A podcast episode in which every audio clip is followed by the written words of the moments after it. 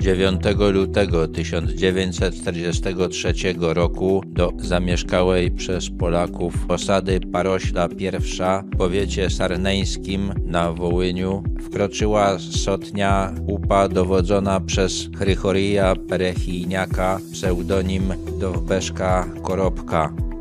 Upowcy podali się za partyzantów sowieckich. Przyprowadzili ze sobą sześciu wziętych do niewoli w pobliskim Włodzimiercu kozaków służących Niemcom. Kozaków przesłuchali i zarąbali się kierami, a następnie zażądali, aby mieszkańcy Parośli dali im obiad. Po zjedzeniu obiadu stwierdzili, że niedługo przyjdą tutaj Niemcy i na pewno będą się mścić za pomoc partyzantom. Dlatego najlepiej będzie, jeśli ich zwiążą, bo wtedy Niemcy uznają ich za ofiary napadu. Mieszkańcy Parośli posłuchali, choć niektórzy mieli podejrzenia, że coś jest nie tak, bo ci partyzanci mówili po ukraińsku, a nie po rosyjsku.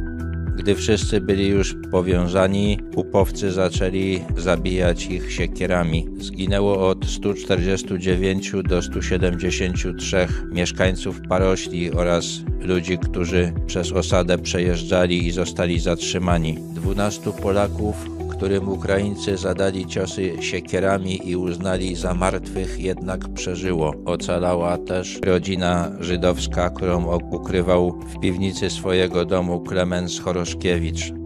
Zbrodnia w Parośli była początkiem wołyńskiej rzezi przeprowadzonej przez UPA, która trwała do lutego 1945 roku i miała całkowicie oczyścić Wołyń z Polaków. Jej kulminacja przypadła na lipiec 1943 roku. Ocenia się, że zginęło na Wołyniu około 50 do 60 tysięcy Polaków. Podobna akcja UPA prowadzona w Małopolsce Wschodniej pochłonęła do 40 tysięcy ofiar.